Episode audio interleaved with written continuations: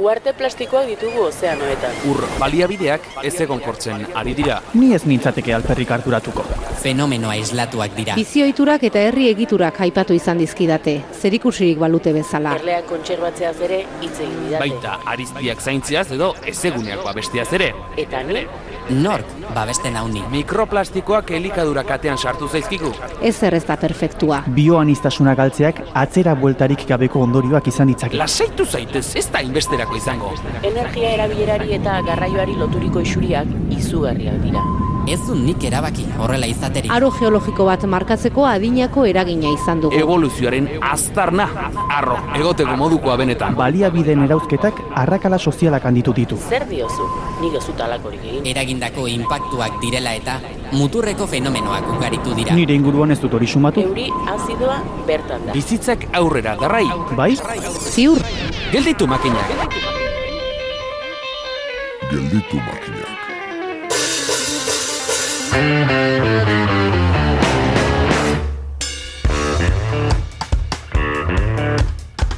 Esaten da dena asmatuta dagoela, baliteke. Gainera, hobe horrela, esan nahi baitu kopiatzea eta egokitasunen arabera aplikatzea besterik ez dela geratzen. Esaterako, elatuetako barkiloak asmatuta daude. Falta dena da, erabilpen egokia aurkitzea, zeren ez dakitnik izozkibolen euskarri bezala oso balorazio positiboa daokien. Edo egaztien egalak. Euren forma eta pitxangelua dela eta presio desberdintasuna eragin eta egan edo planeatu egin dezakete. Teknologikoki hori kopiatuz egiten dute egan hegazkinek.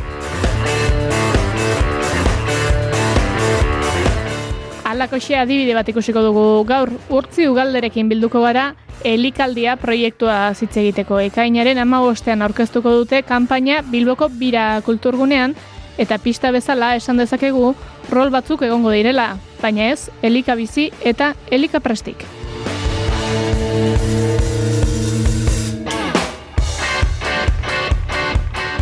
Jarraian, basaburua bailarara joango gara landa eremuko aktivitate sozialei auspoa ematen dien proiektu bat ezagutzera. Ernaizu kooperatiba bidez amaika ekimen abiarazten dituzte, tartean apestegiko ostatua. Virginia Gerendiarain kideak emango dizkigu azalpen zehatzak.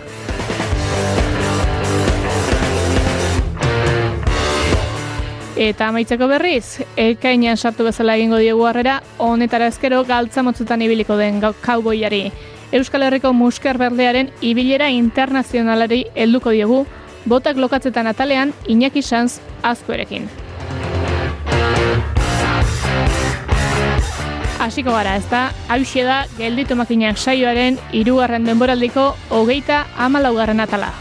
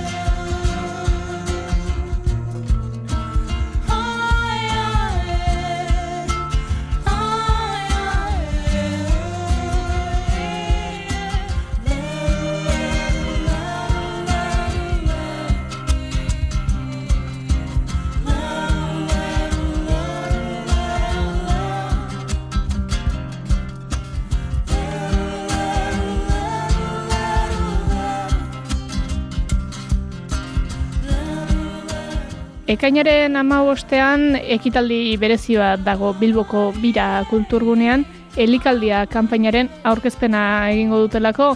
Horretarako bertan dugu, telefonoz bestalde dugu utzi, pixka bat, ba, ekitaldi hau zertan datzan, e, esan bezala, ekainaren amabostean aurkeztuko delako, baino aurkeztu egingo da bertan, aurrerago izango da ekitaldia bera, tira, paso emango diogu, ongi etorri utzi.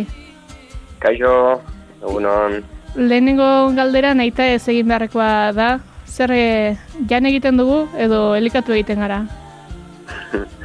bai, ba hori da, hori da azkenean, ez, e, gakoa, e, askotan, ba, gure buruei e, galdetu gabeko e, galdera dela uste dugu, ez? E, nahiko, bueno, inkonstienteki egiten dugun jarduera bat da, eta, eta aldea nabarmena da, ez? E, azken finean, elikatzeak e, dakar, ba, alde batetik, bai osasunari dagokionez, eta bai ba, jasangarritasunari dagokionez, ba, ba, bueno, gure nutrizioari begira, baina aldi berean, ba, kontzeptu horiek barnebiltzen dituena, ez? Eta aldiz, ba, jatea soilik edo zer gauza jatea litzateke, eta, eta bueno, ba, gaur egun oso oitua gauden, e, ba, bueno, jarduera harin eta eta kontsumo, kontsumismo edo kontsumo inkonstinte baten e, sartua, ez da.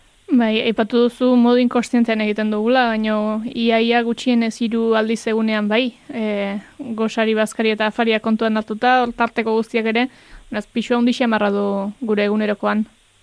Hmm, hori da, bai, bandana zibak esaten zuen, ez, norbaitek irautza egin nahi badu, ba, behintzat egunean hiru aldiz e, egiteko aukera badaukala, ez? Hmm eta eta hori nola bizitza oso baten trasladatuta pues eh laro geta marbilla aldiz egiten dugun e, kontu bat da, ez? Beraz, e, aldi berean garrantzitsua den e, jarduera bat, baina aldi berean nahiko deskuidoan egiten duguna gaur egun, ez? Orduan, bueno, ba, pizka bat e, lanean jarri gara, e, aspaldi Euskal Herrian e, ba, jende asko eta eragile asko dabiltza elikadura buru jabetza eta jasangarritasunaren bidean. Baina, bueno, nahi izan dugu, ba, bueno, gure aldetxoa, e, eragile ezberdinen bitartez, eta bar, ba, mm. ba, bueno, kontsumo horiek aztertu eta eraldatzeko ba, dinamika bat, ez? Hori da, ze dinamika bat jarri duzuen martxan, elikaldia izena du, urrian izango da, eta, bueno, uda aurretik bintza, eta aurkezpen eta ekitaldiak egingo dituzu hori da, ekainaren amabostan errepikatuko dugu, Bilboko bira kulturgunean egingo dena, eta konta iguzu, e, zer da elikaldia, ze, ze elburu ditu? Hmm. Bai, azken finean elikaldia, bueno, ez da gauza berri bat, edo bentsat, e, guke Euskaraldiatik hartzen dugu bideia bera, eta moldatzen dugu, elikadura burjabetza eta jasangarritasunaren e, ikuspegira. Orduan, e, noa esateko, ba, ba, antzeko ikuspegi bat e, lantzen du, eh? Salde batetik ikustaraztea ba, elika produktuak, elika guneak, eta, eta bestetik baita ere, elika lagunak, ez? Nola errolen banaketa horretan, eta hainbat e, ekimen, e, azkenean, ba, esan, esan bezala, egun zehatz batzuetan bentsat, ba, gure kontsumoan e, jabe izan gaitezen, zer egiten dugun, nola egiten dugun, nora doan gure dirua, azken zinean, ez? Eta gero, e, ba, zer e, zelan elikatzen garen, eta horri buruz, ba, hainbat jarduera maian jartzea, ez? Ba, mm. topaketa batzuk direla, e, bai, ikuslekin eta ba, lako azokatxo bat, e, jaialditxo bat, e, bueno, hainbat ideia ditugu hor bueltan, esperientzia piloto gizara, nola daite e, garen egiten aurten e, Bilboko e, alde sarrean, baina, baina, bueno, ideia interesgarri eta funtzionatzen badu, ba, Euskal Herriera zabaltzeko, poliki-poliki, e, autogestioaren bitartez eta jendea ba, bueno, animatzen bada, bai erakunde publiko, bai ekoizle txiki, komertzio txiki, eta herri mugimenduekin e, elkarre eraginez, ba, egin egun dinamika politikoa izan daiteke. Bai, berezia behintzat bada, esan bezala, itz, e, izenetik hasita Euskaraldiarekin badu alakoxe antzekotasun bat elikaldiak, eta mm. eta ideiak ez dituzu falta, eta jakin nahi dugu horien jatorria, zeren nolatan otu zitzaizuen zuen Euskaraldia bezalako ekimen batekin parekatzea legia Euskaraldia hizkuntza iturak aldatzeko dinamika bat da, eta nola okorretu zitzaizuen hori elikadurara estrapolatu zitekeela? Mhm. Bai, ba, bueno, e, itzak berak jokoa ematen zigun, e, gero, ba, bueno, ba, Euskaraldia ja nolain nahiko sendo tuta dagoen e, dinamika bat da Euskal Herria, eta erreferentzia bat duena, ez? eta esaten genuen, jo, ba, segaitik ez, e, nolait erabili referentzia hori, e, jeneri zonatuko diona, ez? Eta, eta beste sektore edo beste jarduera bateri e, atxikitu, ez? Gainera, jo, ikusten dugu Euskararekin bezala, indikadura baduela txekotasun bat, eta azken zinean dela herri, herri ondare bat, ez? Ez da inorena eta aldi berean denona da, ez? Ez da kontu ideologiko bat, edo ez nola esan, ez da guztion, guztion patrimonioa eta eta orduan e, guztiok zaindu beharreko kontu bat, ez? Eta anitzen artean egin, egin beharreko jarduera bat, e, horregatik esaten dugu, ez? E, garrantzia da deno batera egitea kontu hau, ez da bakarrik ba, herri mugimenduen lan bat e, bakarrik, e, ez da bakarrik ekoizleak eta komertzioak egiten duten lan bat bakarrik, eta ez da bakarrik instituzioen, ez? Diru laguntzen bitartez egin beharreko jarduera bat, sino que igual denon artean, bakoitza bere espazio naturalekin eta bar, baina bueno, elkar elikatuz eta eta landuz, eh? Hmm. Ordan, bueno, e, oso antzekotasun asko ikusten genituen euskaraldiarekin eta horregatik e, e, ba, bueno, jokoa ematen zigun eta elikaldia sortu genuen. Bai, joko pixka bat ere eman dizu ez, ez, ditu, ez dituzu ez elika prestak eta elika biziak aurkitu, baina beste, beste agente batzuk asmatu dituzu, eh? Mhm. Bai, hori da, hori da. Ezkenean, eh, kontsumoan, eh, edo elikaduran, ba, nola baite agente aktibo diren, edo garen, eh, roloiek hartzen ditugu, eh? Da, azken finean, hor dauz, pues, eh, elika produktuak, ez? Ekoizle, bertoko ekoizle egiten duten lan hori, ez?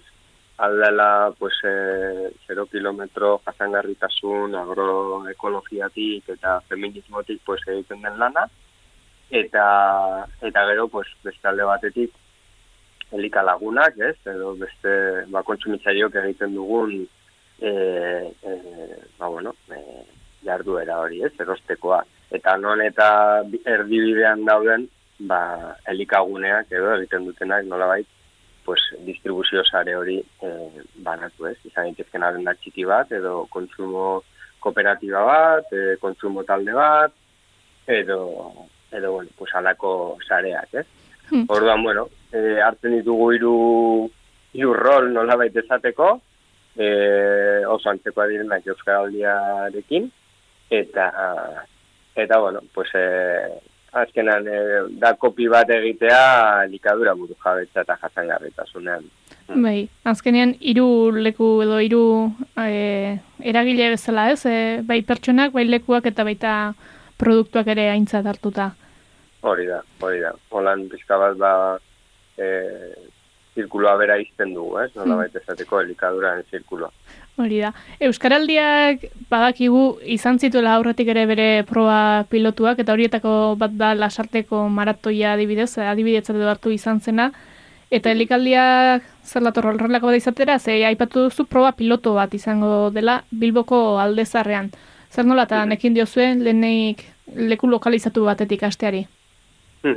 bai, azken, bueno, eh, oso modu naturalean, eh? dute zan, eh, nola ideia sortu zen e, auzoan bertan ba, ba, gertuko eragietatik hasita eta bilboko eragietara, ba, izan ba, kireko, bizilur, ekologistan martzan, e, erreaz, bueno, pues hainbat e, eragile batu ginen, eta eta esan geno, jo, bueno, ba, aktibatuko gara, ez, eta nondik eta, bueno, pues gertuen daukagun zonaldetik. Baita ere estrategikoki, bueno, plaza importante bat da Bilboko alde zarrekoa, ez? Daukan historia gaitik, komertzio aldetik, eta baita ere importanteaz gain zaia, ez? E, demografikoki, soziologikoki, eta, bueno, esaten genuen hemen ondo urtzen eskero, esportatu daiteke ideia e, Euskal Herri osora arazo barik, ez? Mm. bueno, jarri gure buruari erronka ez, ez oso txikia, e, baina bai ezaten genuen, ba, bueno, e, bueno, esperientziak piloto batetik abiatu beharko litzakitela, ez? Eta, eta ez bada ondo urteten, pues, bueno, pues hor geratzen da, esperientzia bat bezala, eta eta, eta bueno, agitazio bat bezala, ba, e, ba, hilabete batzuetakoa, ez? Da. Eta, bueno, ongi irten edo ez e, irten, hmm. bertatik ere zerrikasia aterako dala ziur zerbait.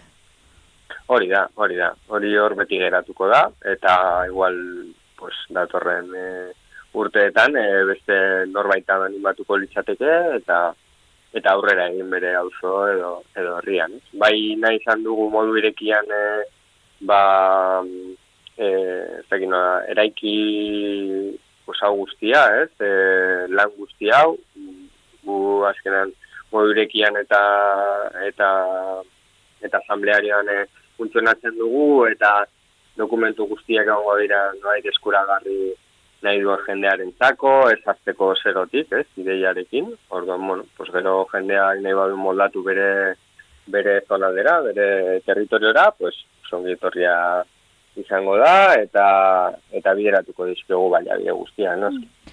Aipatu duzu e, leku estrategikoa dela, eta eta horregatik e, besteak beste, erabaki duzuela Bilboko alde zaharretik astea. Zer da, bertako, bertan bertako produktua kontsumitzeko zailtasun gehiago dagoela, edo ikusten dizkiozuela aukera gehiago, baliabide gehiago izan itzakela alako proiektu bat aurrera eramateko, zerre dela eta e, aukeratu duzue Bilboko alde zaharrean egitea? bai, bueno, ba, azkenean e, ez dakit, ez da hernani baten edo beste herri ez dakit, e, txikiago baten edo dagoen soziologia eta eta barra, ez? Osea, ez ditu hainbeste baldintza egoki olako dinamika bat eh, aurrera ateratzeko, ez? Orduan jartzen diogu gure erronka bat gure gure buruari eta eta aldi berean baita ere, bueno, baeko indargune bat eta eta da ba oso zentralizatua dagoela hor komertzioa, ez? Osea, espazio gutxian eh, topatu dezakegu eh, ba bueno, komertzio denda eta taberna pilo bat, ez? Eta gero bai baita ere, pues Riberako merkatua bera, e, ditugu bi eskola eta instituto bat. Orduan, e, zentsu horretan asko ibili gabe edu gaitezkela e, leku, leku askotara, ez? Eta eta bueno, ba Bilbo Bilbo da, azkenean e, oso osoan itxa da, eta eta igual konstientzia hori bertokotasuna, gertuko produktuena, e, produktu artizauak eta bar, pues ez da igual beste Euskal Herriko txoko batzuetan dagoen tamainakoa, ez? Hmm. Orduan, bueno, e, gauza guzti horiek ikusita, zaten genuen, bueno, garrantzitsua da hemen dikastea, eta ere modu naturalean hemen e, azizalako ideia, ere? Eta ikusiko dugu, ez? Gero, pues, e, ze bide hartzen duen, errepikatuko dugun edo ez, zabalduko duen edo ez. Bueno, e, abia puntu gisa behintzat, e, bai aipatzen duzuela agenda 2000 eta hogeita amarreko garapen iraunko horrelako helburuak behintzat aintzat hartzen dituzu eta hor, emezortzi helburu e, bere izi ziren, horietako lauri ekin gomendiozue aurten, hiri eta komunitate iraunkorrak sortzea, ekoizpen eta kontsumo arduratsua izateari, klima babesteko ekintzak abiarazteari eta itunak helburuak lortzeko. Horrek zesan nahi du. Edizio, edizio ibiliko zaretela, orain lau hauetatik hasiko zaretela, baina gehiagora joango dela? Ba, egon, azken finean, e, ba, txertatu beharra daukagu, ez? E, dinamika guztiak, bai, erakunde publikoetatik hasi enpresak eta herri mugimenduak, ba, nola baite gure karpena egitera, eh helburu hoietan, ez? Helburu batzuk ba beretan seguruenik ez direnak beteko, baina beintzat eh bakoitzaren eh, gehiengoa jarriz, ba bueno, ia ber hurbiltzen garen, ez? Eh azkenan, bueno, bada ba testu inguru bat, non sensibilizatzen ari garen geroz eta gehiago, abian pandemiak ere klik egin, eh, klik bat egin zuen gure buruetan, e, zentzu honetan, ez? Baina ezken mundu mailan jo, ari dena gertatzen sekulakoa da, ez? Eta, eta pues, e, pilo bat pertsona gaude munduan e, elikatzeko, e, elikatu beharrean, geroz eta gehiago, eta aldi berean e, gure produktuak eta eta elikagaiak geroz eta garraio bide eta kilometro gehiago egiten dituzte, ez? Orduan, dikotomia horretan e, inbar da paroi bat, e, birpentsatze bat, desazkunde bat, eta gertutik azita, ez? Eta gauza logikoak, e, batzutan psikologikoa e, baino e, logikoa delako, ez? Gertutik hasi, gertuko, gertuko e, ekoizlei eta eta eman, ez, gure baliabide ekonomikoak, e, gertuko lurrak erabili, eta azkenan gure lurrak e, ari dira erabiltzen beste azpiegitura e, e, ezain garrantzitsuetarako, ez? Eta, eta hori mundu mailan gertatzen ari den e, kontuak galtzen ari da. Planetak galtzen ari du bere tokia e, gure produktuan landatzeko eta gu elikatzeko. Orduan, bueno, horreri buelta emoteko, gure kartena egiteko, ba, ba esaiatzen ari gara, ez? E, e, da kontu bat, lehen zaten bezala, guztion artean egin beharrekoa, eta ez bakarrik batzuek, edo, edo kontu ideologiko bat, edo herri ondare bezala hartu behar dugu, gure osasunen zain behar dugu, e, planeta zain behar dugu, edo bestela, aldaketa klimatikoa, zer, goldeak amendu, izurriteak, erretzen dira gure basoak, eta, oza, hori eguneroko ogia bilakatu da, eta, eta, espabilatu behar dugu, eta asko egingo genuke, aldaketa, bera aldaketa asko egingo genuke, balin eta elikadura buru jabetza txertatzen badugu gure bizitzetan. Hmm. Egiten ari gara hainbat esparrutan, ez? E, energiari dagokionez, e, bueno, endura kooperatiboak, e, komunikabideak, ez akit, ari gara e, eraikitzen esparru asko, baina agian zentroa den, e, erain handia den e, kontu bat, elikadurarena, igual deskuidoan lagatzen ari gara bazter batean, ezak, da galdera bat egiten duguna gure buruari, eta eta bintzat aztertu nahi dugu, eh? Usi nahi dugu, benetan gure hausuetako komertzioek hau e, txertatuta badute, edo ez, ez? E, gu kontsumitzaileok hau gure zerrenda, erosketa zerrenda egiten dugunean hau kontuan hartzen dugun edo ez? Eta Euskararekin bezala, bueno, pizgarriak jarri, eta eta bintzat egun batzuetan ba, horren konsentzia lantzea, ez? Bueno, ba, ba balio ezala horretarako eta izan da ja urrats bat gehiago. Hori alda ere hori guztia e, urrian abierat ez duzue, urrian izango da elikaldia, eta ikainaren ama bostean aurkezpena egingo duzue. Konte guzu pixka bat e, zer egingo duzuen aurkezpen horretan? No horror bildu daiteke? Hmm. Bai, bueno, aurkezpena guzti zirekia da. E, de hecho, bueno, bai, hauzoan e, zabalduko dugu batez ere, edo bai alde zarra eta bilo la vieja eta bueno, inguru hortatik zabalduko dugu, batez ere, baina bueno, edo zein pertsona gonbiatu dago, edo zein eragile gonbiatu dago, instituzio publikoak, ekoizleak, dana gonbiatuko ditugu, bertaratzeko, e, guk gure ideia plazeratuko dugu, baina nahi duguna da izatea, e, ba mugarri bat, ez? E, aurkezpen merienda horretan, ba, ba jende gehiago batzea dinamikara, ideia berriak batzea dinamikara, e, nolait, berdimentsionatu igual ditugun, ditugun erronkak, eta guztion artean e, egiteko, ez da? Eta, bueno, izango da, izkate, ba, ez, ez asamblada bate aina informala, sino que ludikoagoa, pikoteo batekin, eta, bueno, txertatuz, e, bidean, ez, ba,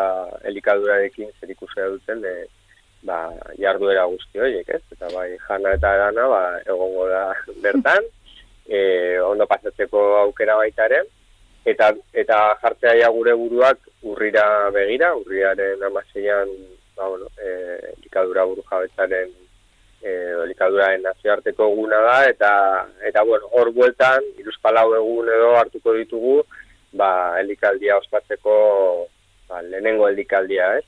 Gerora, pues, e, ia datozen gehiago. Ba, baia, gehiago datozen, bai, ba, eskerrik asko urtzi, azalpenak emateagatik, eta hemendik ere gonbita ekainaren amabostean, ostegunez, Bilboko bira kulturgunera, ba, urbilda dila interesa duen oro. Bale, eskerrik asko zuei. Hau. Gelditu makinak.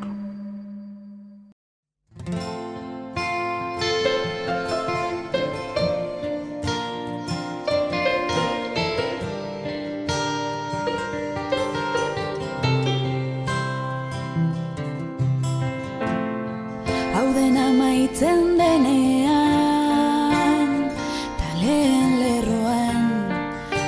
Bizitzak jartzen direnean. Talkarren gana iristeko Pantaiarik Behar ez dugunean. Akaso kontatuko dizut Azken hamarkadetan izandako politika ezberdinak direla eta landa eremuetatik irigunetarako migrazio bat emanarazi da. Esaterako irurogei hamarkadan modu masiboan gertatu zen hau, baina hortik aurrerako urteetan tantaka tantaka joerari eutsi zaio. Landa eremuaren despopulazioaren aurrean, hainbat dira politika berriak sustatu eta ekimenak martxan jarri dituztenak, eta basaburuara joko dugu gaur. Virginia gerendian e, ernaizu kooperatibako kidearekin jarri baitugu itzolgoa. Ongi etorri Virginia. Ba, eskerrik asko. Tira zuek, basaburuan zaudete kokatuta hortxe duzue kooperatiba. Konta iguzu zein da ba, basaburuako egoera? Bueno, bueno, kontatuko dizut igual pixko bat, e, zakien, e, ez, e, zer da basaburua, basaburua da, mala amairu herriko baiera bat. Ba, bueno, pues orain dela urte batzuk, ez, oi, pues, laro goiko amarkadan batez ere, pues, nekazaritza zen, ez, e, pues, ekonomia sustatzen zuen lehen sektoreko, ez, e, abiltzen zen, pues, lana zegon hori, ez, Gero hortik aurrera, pues, gero eta gutxiago izan da, ze, bueno, e, hasieran pues, e, famili txikiko negotziak ziren, eta ustala eritzak ere, adibidez, baina gero eta, ez, gero eta jendea pues, jubilatu joan da, eta eta erreleboa ez da hartu, ez, orduan egoera zein da, pues, kanpoan lan egiten dela, ez, eta jende asko, pues, irundera, edo, bueno, herri haunditara dela eta lan egitera. Aipatuzu, herri handietara doala batez ere, zein dira joera Bai. nagusiak zuen eskualdean? Bai, normalean da iruña, i, ze oso gertu dago, oita mar, ez, kilometrotara, eta gero, pues, pues, hemen gertuna daukaguna, eta pixkot hori, ez, herri handiago dauzkaten direnak, pues, lekun berri, urtzun, edo, bueno, edo donosti aldera ere, ez, ze jende asko ere, ja e, ikasketak, pues, adibidez, e, donostin egiten dituzte. Herri zinen pixka bat herria usteren arrazoiak eta azalduz. Pues zakit, eh? azkenean igual eh, nik uste joera izan dela, ez? Azkenean gero eta jende, oza, lehen bazen etxean norbait gelitzen zena haziendak eta ez, eta hoiek eh, eramaten, eta gero eta jende gutxiago, ez? Dauka eh bos jendea joaten da, pues eh iten ditu goi mailako zikloak edo, ez, unibertsitatea eta gero pues lanak pues hortara, ez? Nik uste zuzenduta gehiago, ez? Bai. Nik uste hori izan dela arrazoi handiena, ez? Nik uste gero eta jende gehiago pues, pues, karrerak eta egiten dituela, eta, bueno, lehen sektoreko, ez? E, lanak, pues, ustera, ez? Diozunez, lehen sektorean nabaritu da gehien beherakada hori, edo bertan eman da beherakada handiena, eta era berean lan industrialago batzuetara joan dira bertako zenbait, bueno, halako ikasketak eginda ere, eta beste herri batzuetan bilatu behar izan dute bizibidea, sumatzen duzue zuen inguruan, baliaran, herrian, sumatzen da gaiaren gaineko halako kezkarik edo? Bai, bai, bai, bai, noski bai, ez bai, lehenbizikoa izan da udaletxea, ez nik uste, ara lama, dara maia hogei kasi urte ez, edo ama bos urte bat, e, kezka horrekin ez, e, gainera dara bate, pues, urte asko, e, poligono bat, ez, eraiki nahian, e, pues, ikusten delako, azkenen jendea joaten dela, ez, e, azkenan lan ez bauzu oso gertu eta gero pues, hori dakarkena, azkena dakar pues, kotxe izatea, e, denbora, e, ez dakit ez, gauza asko. Ordan bai, bai batez ere udalan alditik, bueno, lan asko egiten ari da, ez, jendea hemen gelditzeko eta, ez? Eta hori, eta nik uste besteen kezka ere, nik uste jendearen kezka ere badala. Zer azkenean, bueno, pues, sortu agarenak hemen, ez? Pues hemen nahi dugu segitu ez, eta kezka hori bada bai. Hortik tiraka sortuko zenten noski arnaizu kooperatiba, e, konta iguzu nolatan erabak duten kooperatiba bat sortzea?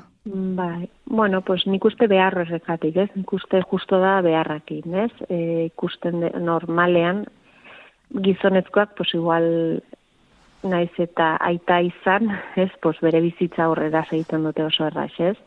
Baina, bai emak, emakumezkoen e, e, pos hortan, ez? Azkenean, e, zaintzak e, eta lan bat, ez?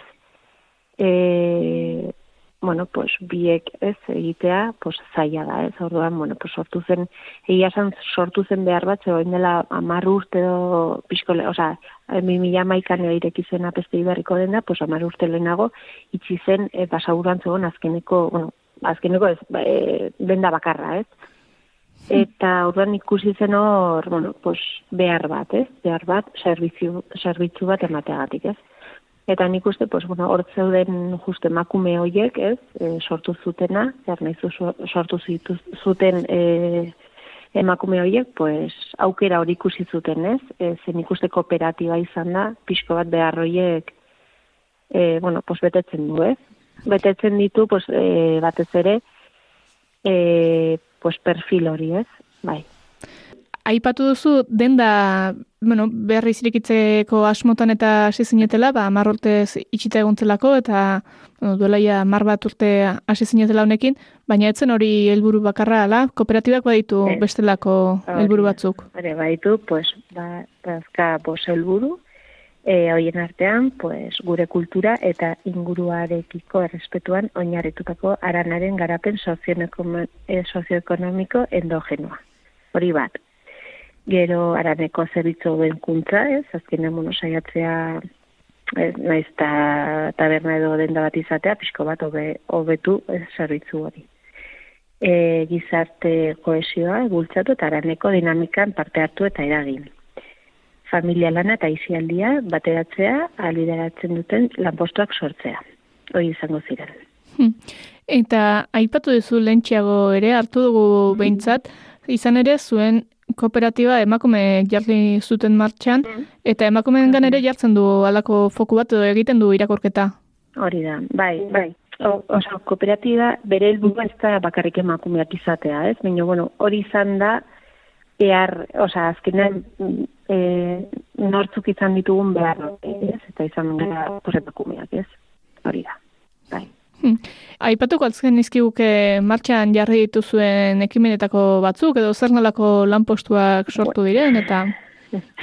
Bai, bueno, badugu bi fase, eh? zer nahizun izan ditugu bi fase. Bat izan zen e, pues, e, mila emezortzi arte, pues, izan zen denda eta taberna, e, azkenean, bueno, horrekin ja ikuste, ez, ja desiente, ez, e, sartzen dela, E, eta gero 2018an eh pues genuen beste aurrera pauso bat eta hartu genuen beste herriko borokitako estatuko eh ostatua, ez? Hartu genuen eta hor egin genuen escape room bat, egin genituen joku batzuk eta bar. Baina 2020an COVIDaren historiarekin dena hori atzera atzera egin zen eta hori momentu honetan berriz ere bueltatu gara bakarrik e, apesti berriko dendako e, post denda eta tabernakuleatzen eta hori bakarrik, hortan gaude bakarrik orain momentu honetan ez dugu ez dugu hmm. momentu honetan. Denda eta hmm. taberna ipatu dituzu, zer dira, puntu bai. sozialak oso garrantzitsuak bai. ala? Bai, bai, bai, bai, igual luz, lehenizik urtetan ez ginen konturatzen, eh? baina dara magu pos urte dola edo ikusten dela ez? Ikusten dela ba, jendea elkartzen dela azkenan oso herri desber, oza, e, ama hiru herri dira, herri bakoitzean batzutan badaude, eh, tabernatxoren bat edola, baina gero astean zehar batez ere, e, pues, jende, pues, otatzen da egunero zerbait hartzera, eta beste, pues ez, beste, beste personakin elkartzen zara, eta bai, egia esan oso leku, bai, bihurtzen nahi da, pues hori, ez, rato bat pasatzeko, beste edo zeinekin pasatzeko, mo, rato batzuk, bai. Oroar, zer nolako harrera ari zarete jasotzen Virginia? Aipatu duzu pixka bat erabiltzaileen aldetik, bueno, ba, zeko prutan zabiltzaten, baina zabalxiago begiratuta zer nolako harrera du proiektuak? Pues egia da, pues, oso ona, oso ona, bai, hasieran igual ez ginen oso kostientiak ere ez, bueno, sartua zaude lanean, ez, eta ez, eta lana, eta lana, eta lana, zen nahiko lankarga handia izaten dugu, e, baina momentu batean izan genuen sari, jaso genuen sari bat, eta egia esan, momentu horretan konturatu ginen, pues maitatua ginela, ez, edo, bueno, edo jendea gutxienez, baloratzen zuela, ez? Eta hor hortze konturatu ginen, 2018an hola. Eta bai, jendea pues konten dago zerbitzu oso haundi bat da, ze ordu asko irekitzen ditugu egunero, ez du izten urtean herri bietan. Pues Horako baiara batean zortzireun e, biztale dauka basaburua. Orduan, pues, bueno, segunero zerbait irekia ez, egotea, pues nik uste asko baloratzen dutela. Aipatu duzu, e, 2000 eta emezortzian uste dute sari horretaz ari zarela, aurkitu dugu behintzat saretan, landa ere muko emakumentzako berrikuntza bikaintasun saria jaso hori da. bai, bai, bai, izan zen, bai, izan zen oso polita, eh? Ia esan oso, oso polita. E, bai, pixkot hori rekompensa bezala, ez? Edo ez dakit nola esan, ez? Eta izan zen o, bai, oso polita. Momentu hortan, hortan ere izan zen oso sari, jo, pues, ahí ginen, pues, denakin, escape roomakin, ginen e, sozia gehiago ere, langliki gehiago, bueno, pues, bazen beste historia bat, ez? Ordan momentu hortan izan zen, egian oso oso oso polita. Bai.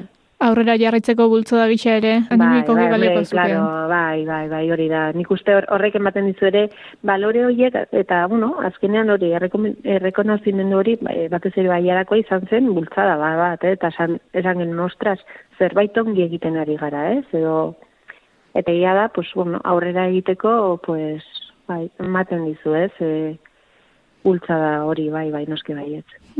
Aurrera egiteko aipatuta, ze, ze asmo dituzue aurrera begira, ba, aipatu duzu oraingoz behintzat eutxi egingo diozuela bai taberna eta baita Bai, eh, dendari ere, baina aurrera Bai. begira baduzue asmo garbirik?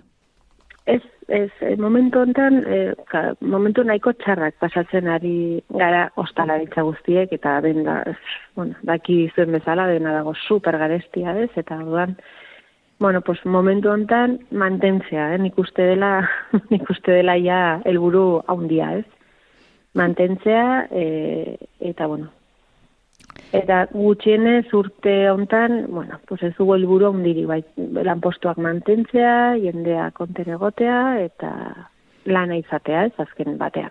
Mm. Bai. Ba- Momentuz hori. gero, bueno, pues, gero, a ber, ikusiko dugu aurrerago pixko bat zerbait egiten aldugun. Hori da.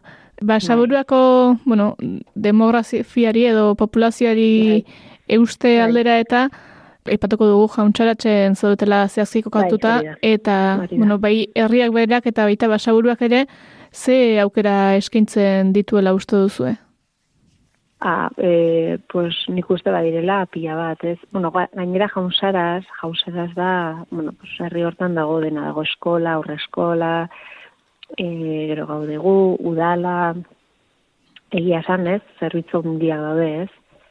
Eta, bai, bueno, orokorrean daude zerbitzua. Baina oso gertu gaude ere beste, ez?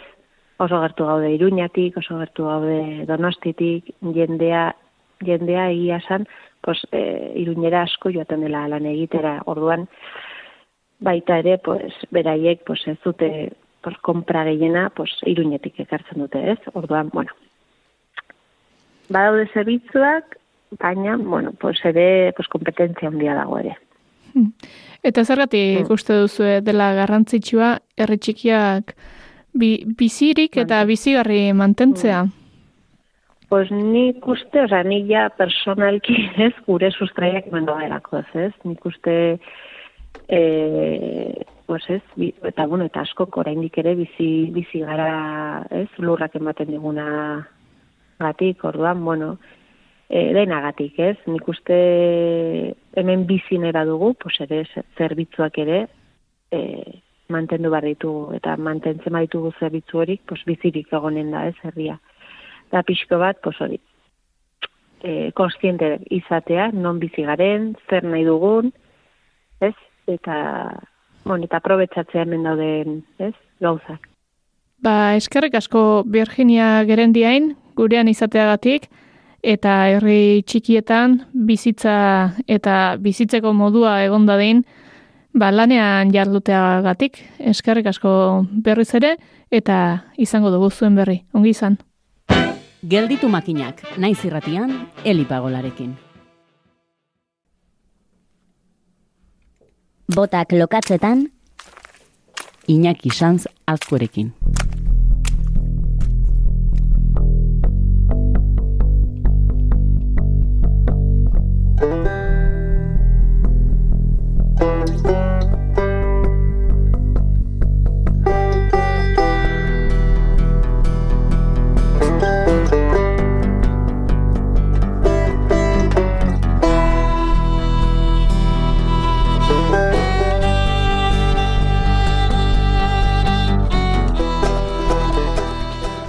Botak lokatzetan dituela esan du hots of hautsak, baina ez dakit, ba, nik gure biologoa sandiala, sandaliatan ibiliko ez den. Ongi etorri, Iñaki? Ah, gaixo, Eli. Ala altzabiltza, sandaliatan altzabiltza, edo bota dituzu oraindik. Ba, oraindik botak ze ohitura daukat mendira joten naizen bakoitzean botaekin joatekoa, ze bakizu akainak eta bakastako deitu nahi dugun bezala kontu horiekin mm. ondo abestuta joten naiz. Bai, ala ibiltzen zaretenak, alegia ikarketan eta ibiltzen zaretenak mendian eta ohiko izaten da, ez? Edo iruditegien behintzat galtzamotzetan eta inor gutxi ikusten da gehienak galtza luze eta botekin hori zerla segoltasunagatik edo. Bai, bueno, gure kasuan behintzat, bai, pentsatu behar duzuna, biologok normalean bidetik kanpo egiten dugula lan. Orduan, hmm. ba, mendira joaten denak e, bidezidor edo bidea jarraituz, ba, galtzamotzetan joatea, ba, errazagoa du, ez? Baina, sasi artean eta eta a, belar edo landaretza artean ibili behar badugu, ba, azkenean galtza luzeak eta ba, babesa komen izaten da, bai zaurien gatik eta bai kaparren gatik lehen esan dudan moduan. Hmm. Bueno, gaurkoan ea, saiatuko gara sasitik, sasirira ez ibiltzen, e, baina gaurkoan izketa gai izango duguna, xelebre xamarra ere bada, edo bueno, e, printzipioz behintzat nahiko komuna dela ikusi dugu, muskar berleari buruz hitz egin behar dugulako. Bai, hori da. Ba, musker berdea izango dugu gaurko protagonista. En maiatzean badalako garai bat musker berdea ikusteko oso aproposa dena. E, oraintxe bertan esango genuke ugal garai bete-betean egongo dira. Eta aipatu duzu, sasi ingurutatik saiatuko gara ez, ez ibiltzen, baina kasu honetan musker berdea ikusteko sasietara edo sasien ertzera begiratu beharko genuke. E, izan ere musker berdea sasi edo landaretza zalea da, baino kontuan izan bar dugu sasi hoien ertzak gustatzen zaizkiela, ba narrastia dalako eta narrastiek beroa behar dutelako. Hori da.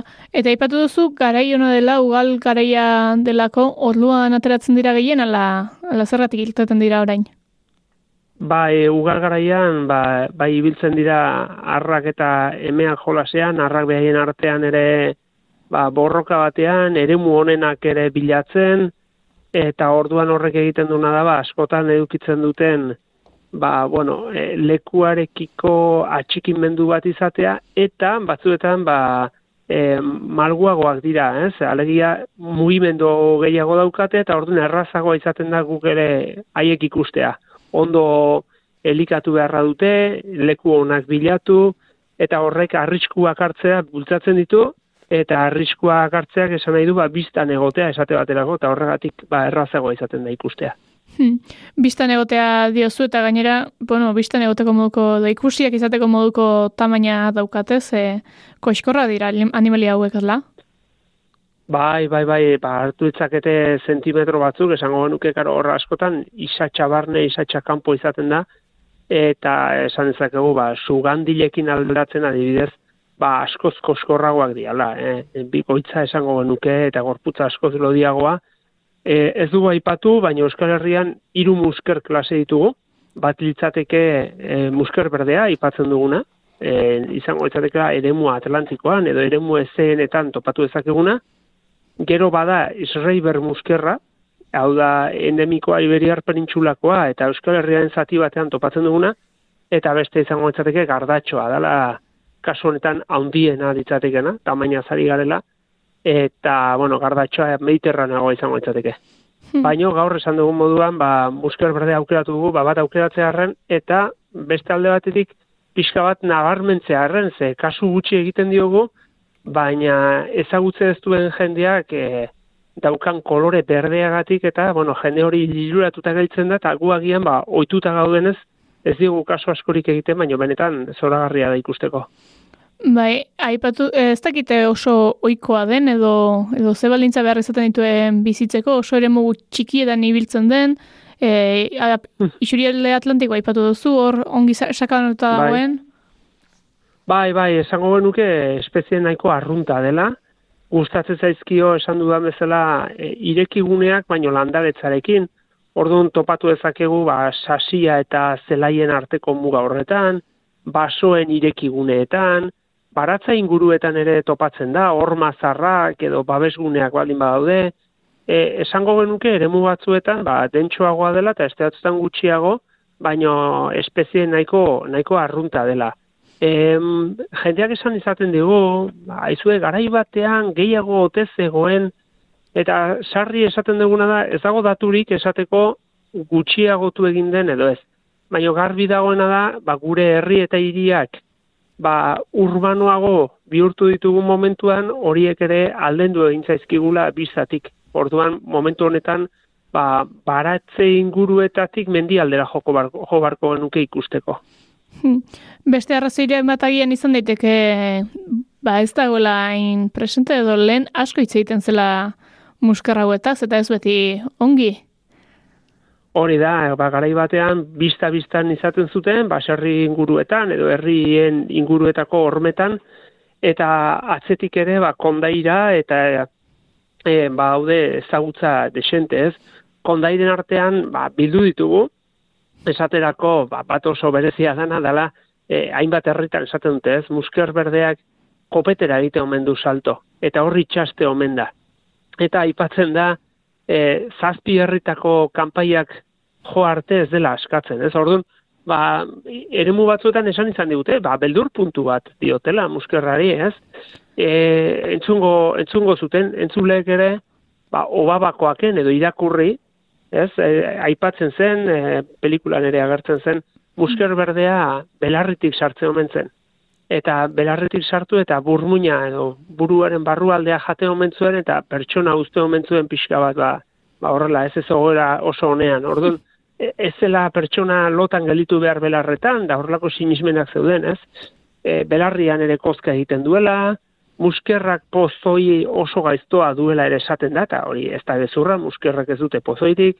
Bueno, ba, sinismen asko daude, eta eta horiek ere, ba, biztatik joan zaigun moduan, ba, galtzen joan gera, bai. Eta zer laura eta zuten, ba, alako fama txarra edo alako izua eurekiko, e, ba, ez dakite, agresiboak aldira edo? Bueno, ez, esango nuke, beldurtia diala, ez? Esan ba, beraiek egiten dutena da alde egin.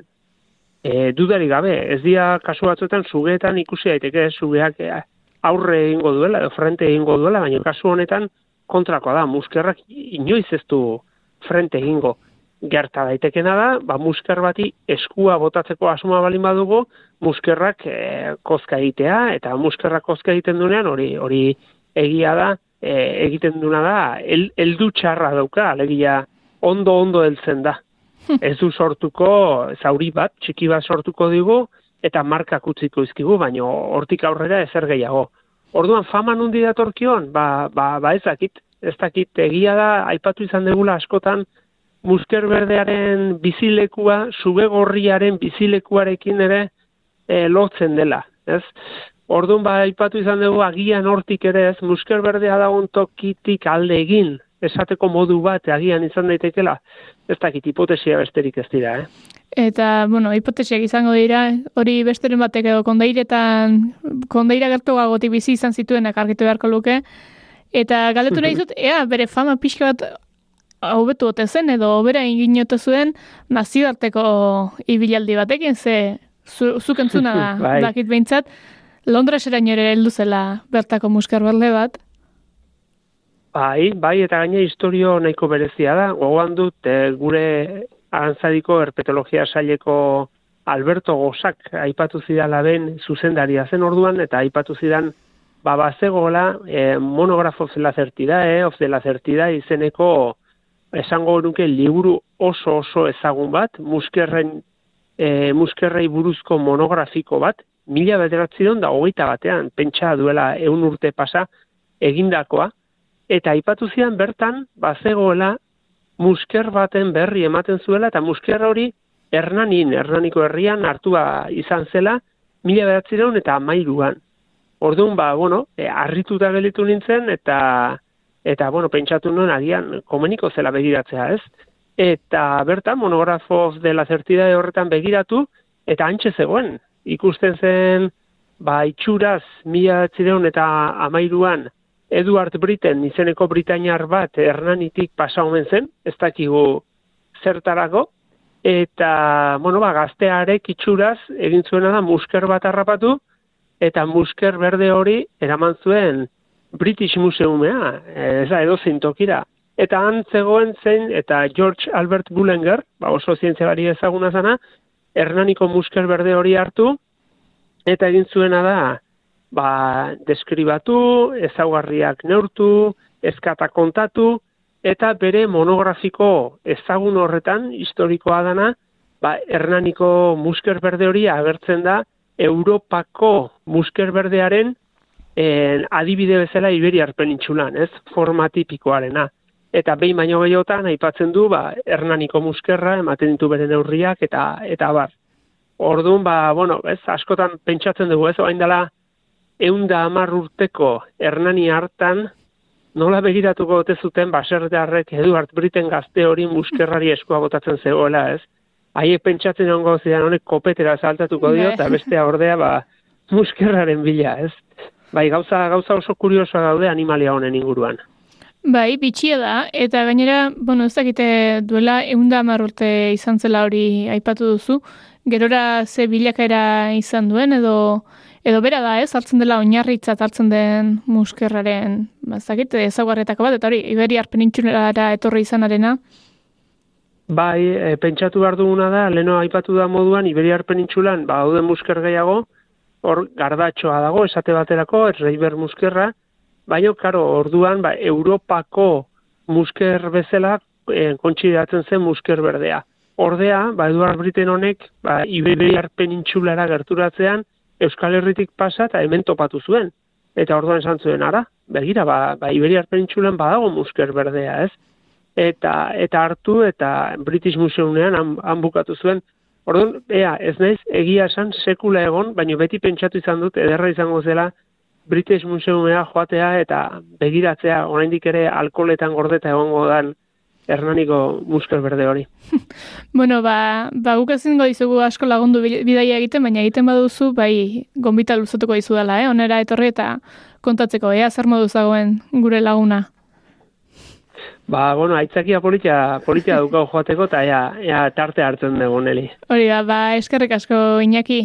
Datorren hilabeten ere elkarrekin izango gara, la? Hori da, datorren hilabetean uztaileko, uztaileko animalia edo landaren bat topatuko dugu, eta ibiliko gara berriz berriketan, hankak lokatzetan. Osongi, ba, segi, galtza luze eta bota, eskerrik asko, Iñaki. eskerrik asko zuei, ondo segi. Gelditu makinak. Naiz irratian, Eli Pagolarekin.